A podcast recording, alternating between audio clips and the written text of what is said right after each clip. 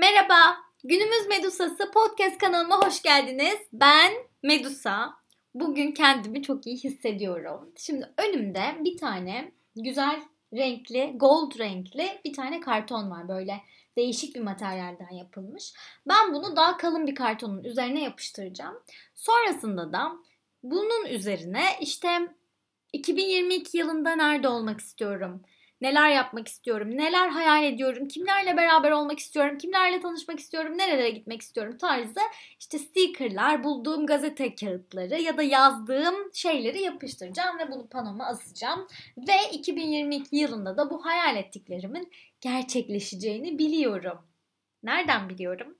Çünkü ben e, uzun yıllardır imgeleme yaparak doğru şekilde bakın burası çok önemli doğru yöntemlerle hayal kurarak gerçekten istediklerini tam anlamıyla elde eden biriyim. Çok iddialı bir giriş oldu. Çünkü bu konuda gerçekten iddialıyım. Bu konuda mütevazı olamayacağım. Ve bugün sizlere nasıl imgeleme yaparak hayatta başarıyı yakaladığımı, hayatta nasıl istediğim yerlerde olabildiğimi anlatacağım. Şimdi başlamadan önce kendisine teşekkür etmek istediğim biri var ve bu bölümü ona ithaf etmek istiyorum. İsmini vermeyeceğim. E, izin verirse şu anda hani bu e, bölümü çekeceğimden haberi yok kendisinin. O yüzden sorma imkanım da olmadı. İzin verirse sözüm olsun. E, ismini vereceğim ilerleyen bölümlerde. Kendisi bir podcaster, podcast yayıncısı. Aynı zamanda bir mentor, mentorluk yapıyor, koçluk yapıyor. Çok başarılı, çok tatlı bir insan bizim e, kendisiyle çok tatlı bir arkadaşlığımız oluştu ve ben kendisi sayesinde e, çok da arkadaşlığımızın e, detayını vermeyeyim ama şunu söyleyebilirim. Kendisi benden hiçbir karşılık beklemeden bana çok büyük bir yardımda bulundu ve bu yardımda bulunması sonucunda ben böyle birazcık eskiye dönüp nasıl eskiden daha mutlu olduğumu, işte imgeleme yaparak, hayaller kurarak çok farklı, çok istediğim yerlere geldiğimi ve e, daha aslında spiritüel tarafımı da hatırladım. Onunla yaptığım e, görüşme sayesinde. O yüzden e, bölüme başlamadan kendisine teşekkür ediyorum.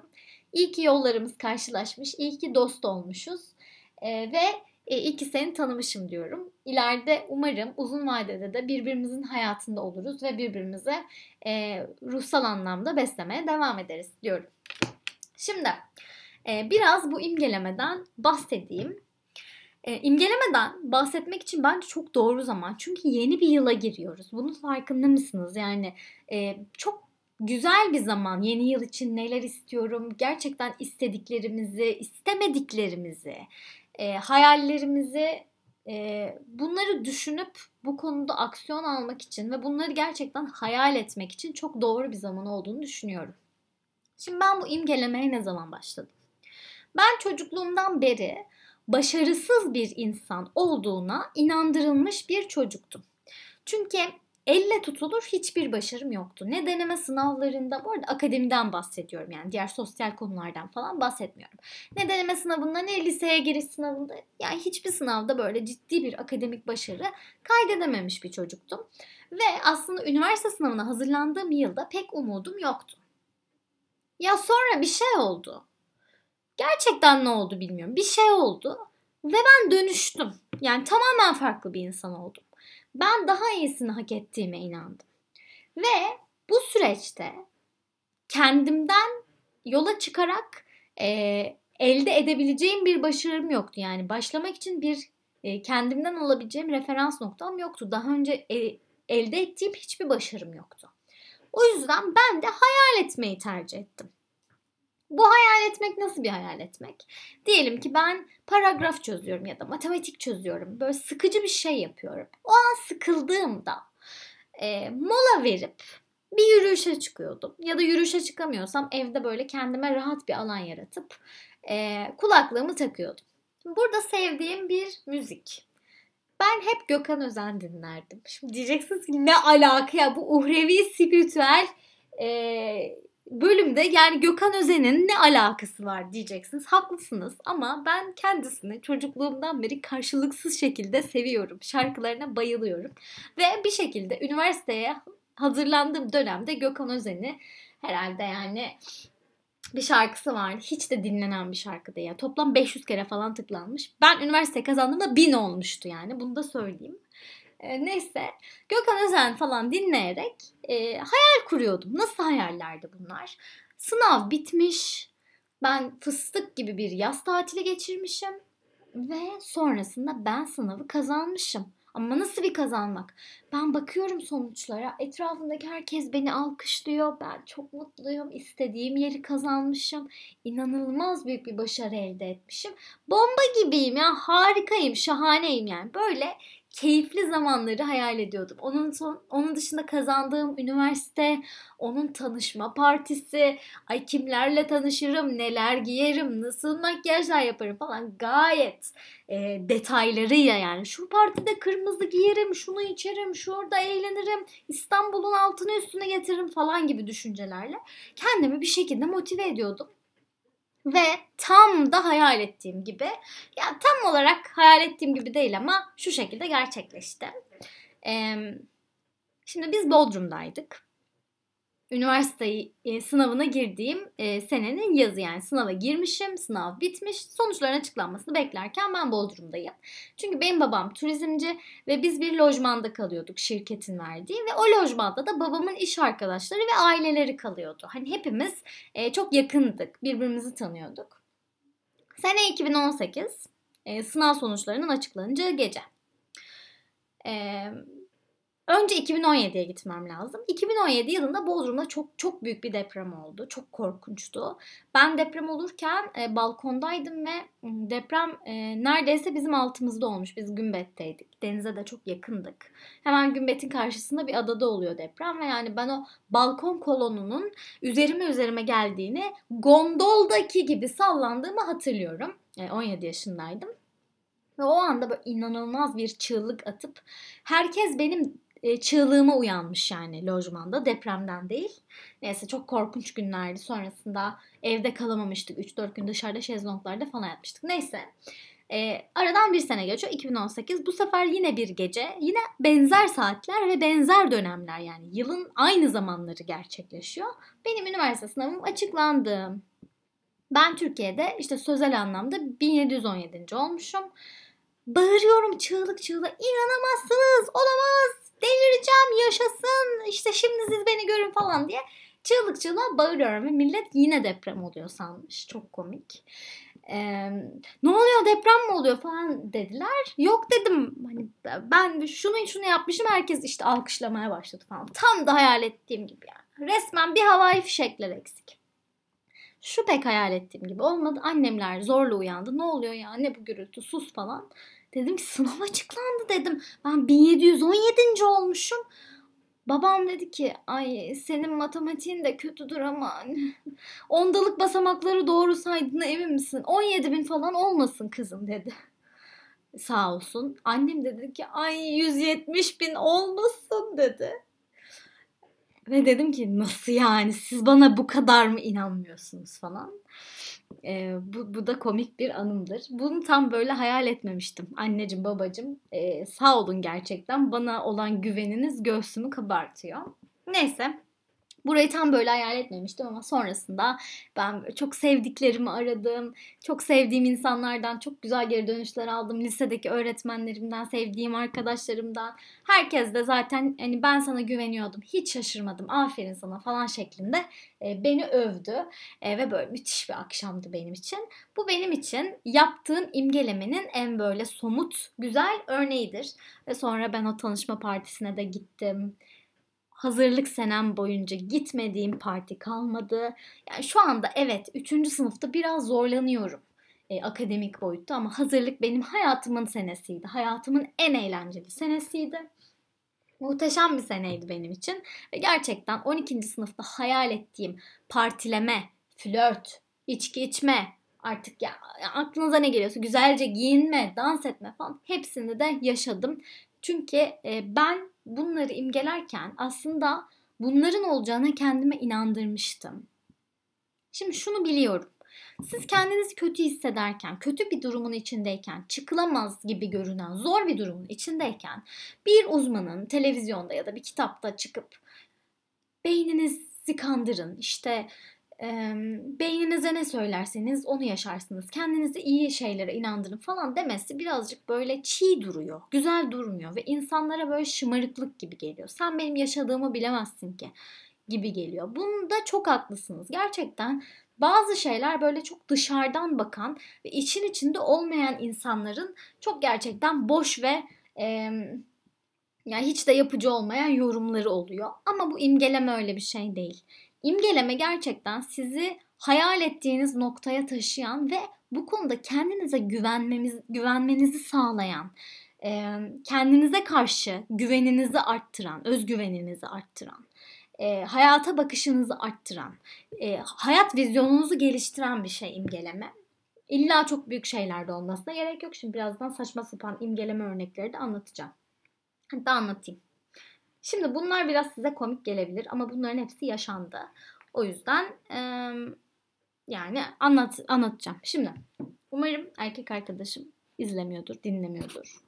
E, dinliyorsa sıkıntılar çıkabilir. Şimdi baştan uyarayım. Yani ka- dinliyorsan kapat bak buradan sonra flörtlerden bahsedeceğim. Şimdi e, ben hazırlık senemde birazcık flörtözdüm. Hala da flörtöz bir insanım yani. Genel olarak severim insanlarla sohbet etmeyi, arkadaşlık kurmayı, flört etmeyi. Tabii hani şu anda çok uzun zamandır ciddi bir ilişkide olduğum için biraz da e, hani kendimi törpülemiş durumdayım öyle söyleyeyim. Hazırlıkta e, benim Instagram'dan tanıştığım DM'den ve çok yakışıklı bir çocuk vardı. Hakikaten böyle derler yumurta gibi çocuk. Çok yakışıklı, çok hoş bir çocuktu kendisi. Ee, ve yani tam bir sırtlan emin yani bin kişiyi takip ediyor. 999'u kadın öyle bir hesap. Ee, ve benim, benimle iletişimde şu şekilde e, ben Latin dansları yapıyorum. Latin dansları ettiğim videolara kalp, ateş falan atıyor storylerime. Bu kadar iletişimimiz. Ama ben de bu çocuktan şey bekliyorum. Ay biz sevgili oluruz. Ben onu düzeltirim. Ben onun o tarafını törpülerim falan. Hayatımın aşk olduğunu düşünüyorum. Ve bir imgeleme yapmaya karar verdim. E, yurt, yurttaki oda arkadaşlarımdan bir tanesini de şahit olarak, bakın burası önemli. Karşıma aldım. Dedim ki bak sen bunu dinleyeceksin ve bu yaşanacak ve sen benim şahidim olacaksın. Anlaştık mı? Anlaştık. Güzel. Şimdi diyorum ki bu çocuğun adına ne diyelim? Hadi Osman diyelim. Osman beni arayacak. Normalde aramaz ama arayacak. Böyle beni kendimi prenses gibi hissedeceğim. İşte o bana soru soracak. Ben cevaplayacağım. O şunu diyecek. Ben bunu diyeceğim. Detaylıca anlattım. Sonra o beni dışarıya davet edecek. Ve biz Beşiktaş'ta görüşeceğiz. Beni Beşiktaş'ta güzel bir yere götürecek. İşte ben şunu giyeceğim altıma. Ayakkabı olarak bunu giyeceğim. Eyeliner süreceğim. Saçımı şöyle yapacağım. İşte düzleştireceğim falan. Bunu böyle gayet detaylarıyla falan dakikalarca anlattım arkadaşıma. Arkadaşım da umutla beni dinliyor. Hiç sıkılmadan. Ve sonra e, kendisi de şahittir. E, bu çocuk beni aradı, beni dışarı davet etti falan filan. Yani yaşandı. Bir kere de başka bir flörtümde şöyle bir durum olmuştu. Kendisiyle flört ediyoruz. Ama e, 3-4 gündür böyle haberleşmemişiz. Bana mesaj atmamış. Biraz da kırgınım o yüzden. E, Kenan Doğulu'nun Ara Beni Lütfen şarkısını açtım. Bu bu bölümde bir sürü Türkçe pop sanatçısından bahsedeceğim. Daha çok bahsedeceğim. Kendinizi hazırlayın. Şimdi Ara Beni Lütfen şarkısını açtım. Bir yandan dinliyorum bir yandan da hayal ediyorum. Bak beni arayacaksın şimdi arayacaksın hemen arayacaksın. Hatta şey diyorum ya şimdi arayacak şimdi beni dışarı davet edecek ben ne giysem falan diye düşünüyorum. O kadar inanıyorum. Ve beni dört gündür aramayan çocuk daha şarkı bittikten bir iki dakika sonra beni aradı. Bu arada gerçekten sallamıyorum yani gerçek. Ee, ve ben böyle güzelce giyinip çıkıp yanına gittim. Ee, böyle örnekleri var hayatımda. Onun dışında e, flörtlerin dışında şöyle bir örnek verebilirim. Benim e, yine hazırlıktan çok sevdiğim bir arkadaşım vardı. Kendisinin kod adı 4. O yüzden ben 4 diyeyim. İsmini vermeyeyim. 4. E, şimdi 4 hobi olarak uçak fotoğrafçılığı yapıyor. Çok renkli bir insan, çok Çok iyi bir insan ve e, hani biz nasıl hobi olarak işte spor yapıyorsak, dans ediyorsak falan kendisi e, hobi olarak bayağı hava büslere binip hava alanlarına gidip uçakların fotoğrafını falan çekiyor. Ama şöyle bir durum var ki Türkiye'de bu işi çok fazla yapan kişi olmadığı için hobi olarak genelde kendini karakolda buluyormuş. Yani sen senin ne işin var burada? Sen yolcu musun? Yo değilim. Ben fotoğraf çekiyorum falan diye bir konuşma geçince polisler kıllanıyormuş ve kendisini karakola götürüyorlarmış. Karakola kadar eşlik ediyorlarmış. Tutanak tutuluyormuş falan. Ve bu böyle sürekli devam ediyormuş ve dört bunu konuştuğumuzda gerçekten yılmış durumdaydı. E, ve gerçekten hani çok da iyi bir fotoğrafçıdır ve hani bu konuda bir hesabı falan da var. Çok da sevdiğim bir insan. Ben de üzüldüm yani. Allah Allah dedim ya bu kadar güzel bir hobin var. Bu kadar böyle orijinal bir insansın ve insanlar buna saygı duymak yerine gerçekten seni alıp karakola mı götürüyorlar? İnanılmaz yani falan dedim. Ve ben e, Bora için de e, bir hayrına imgeleme yaptım. Ay ismini verdim yanlışlıkla. Neyse 4. Özür dilerim. E, 4 için de böyle bir imgeleme yaptım. E, ve e, böyle aradan kısa bir süre geçtikten sonra 4 beni arayıp dedi ki Medusacığım yaşananlara inanamazsın dedim. 4 ne oldu?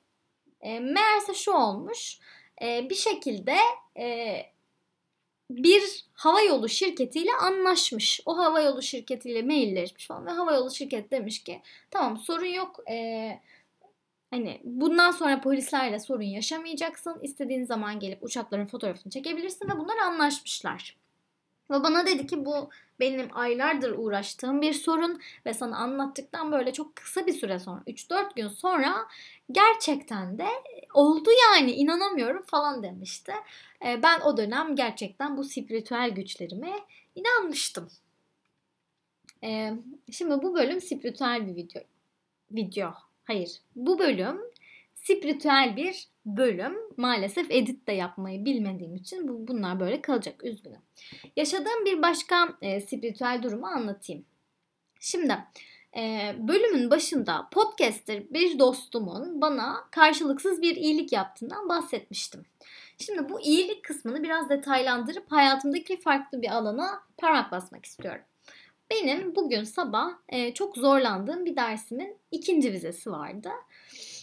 Ve e, benim bu dersi gerçekten iyi yapan bir arkadaşım var.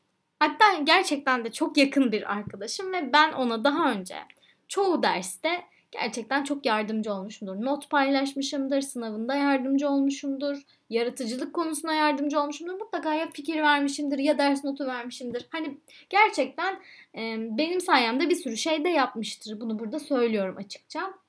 Ama bu arkadaşım benim ya kanka hani ben bu dersi yapamıyorum bana yardımcı olur musun tarzı mesajlarımı cevapsız bırakarak ve sınavdan böyle kısa bir süre sonra ay kanka uyuyordum falan diye böyle saçma sapan cevaplar vererek bana yardımcı olmamayı tercih etti. E, ve e, ben bu duruma alındım. Neyse farklı bir arkadaşım e, bu arkadaşıma şey diyelim Ayşe diyelim. Ayşe e, de dersi iyi yapan biri ve ben Ayşe'ye mesaj attım. Ayşe de dedi ki tamam Medusa'cığım ben sana seve seve yardımcı olacağım. Sen hiç merak etme. E, sonra biz Ayşe ile böyle bir e, görüşme yaptık. Ayşe bana bütün soruları anlattı. Tıkır tıkır ben hepsini öğrendim. E, yeniden yaptım, yeniden yaptım. Gayet kendimi yetkin hissediyorum. Bu arada benim başka bir arkadaşım daha var. Ona da Fatma diyelim. Fatma da aynı benim gibi ya ben bu dersi yapamıyorum, bu ne biçim ders falan gibi e, ders konusunda çok negatif düşüncelere sahip olan biri ve biz sürekli birbirimizi işte bu negatif anlamda besliyoruz. Ay böyle ders mi olur, böyle hoca mı olur, ay ne saçma falan diye. Sonra ben hiç benden yardım istenilmemesine rağmen Fatma'ya mesaj attım. Dedim ki bak Fatma Ayşe bana görüşme esnasında bunları anlattı.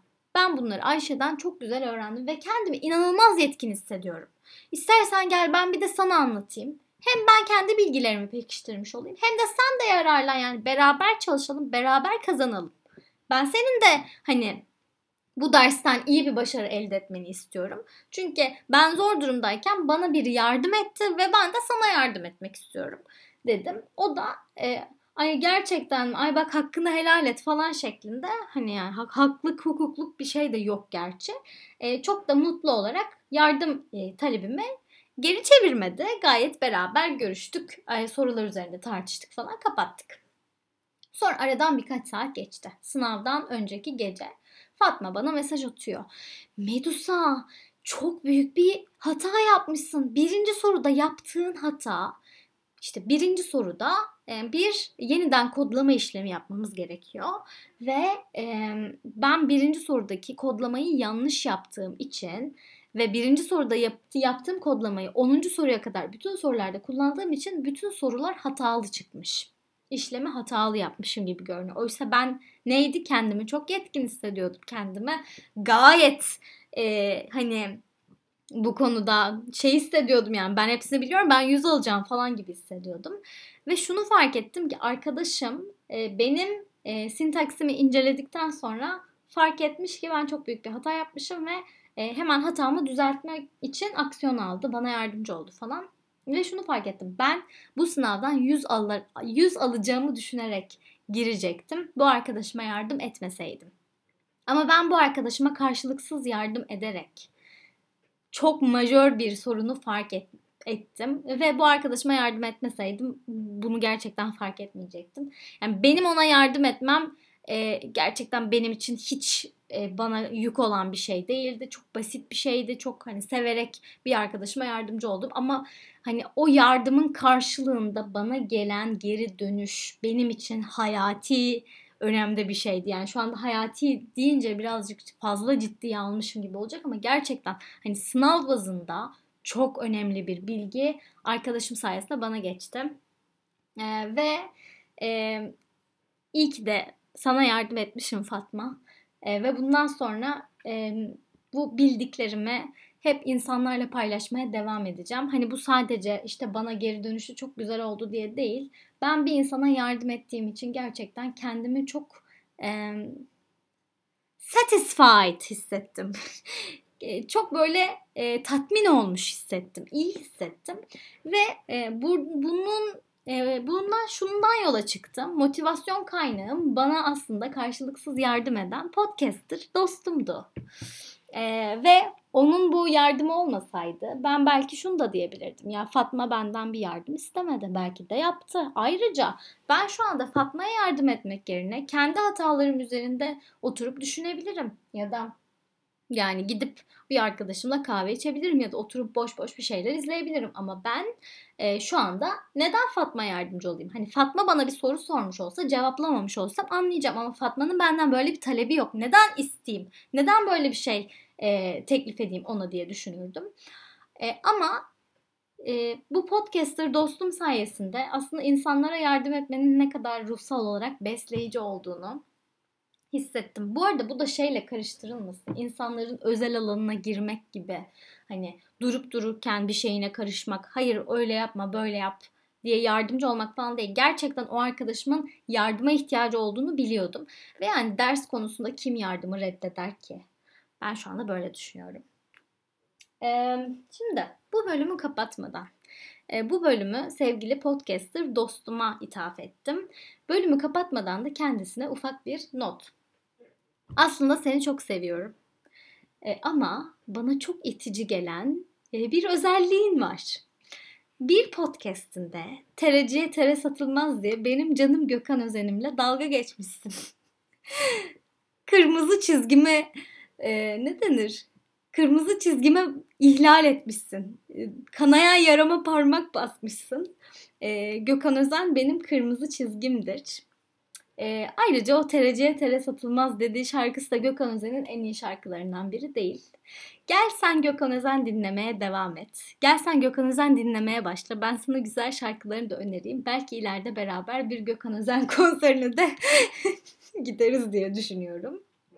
İşin dalgası bir yana bu podcaster arkadaşım normalde işte Chopin dinleyen bir kişiymiş. Klasik müzik falan dinleyen biriymiş ve e, hani normalde öyleyim ama bugün işte aklımda e, böyle korkunç bir e, Türkçe pop şarkısı var diye kendisi benim canım Gökhan Özen'imi aşağıladı bir bölümünde.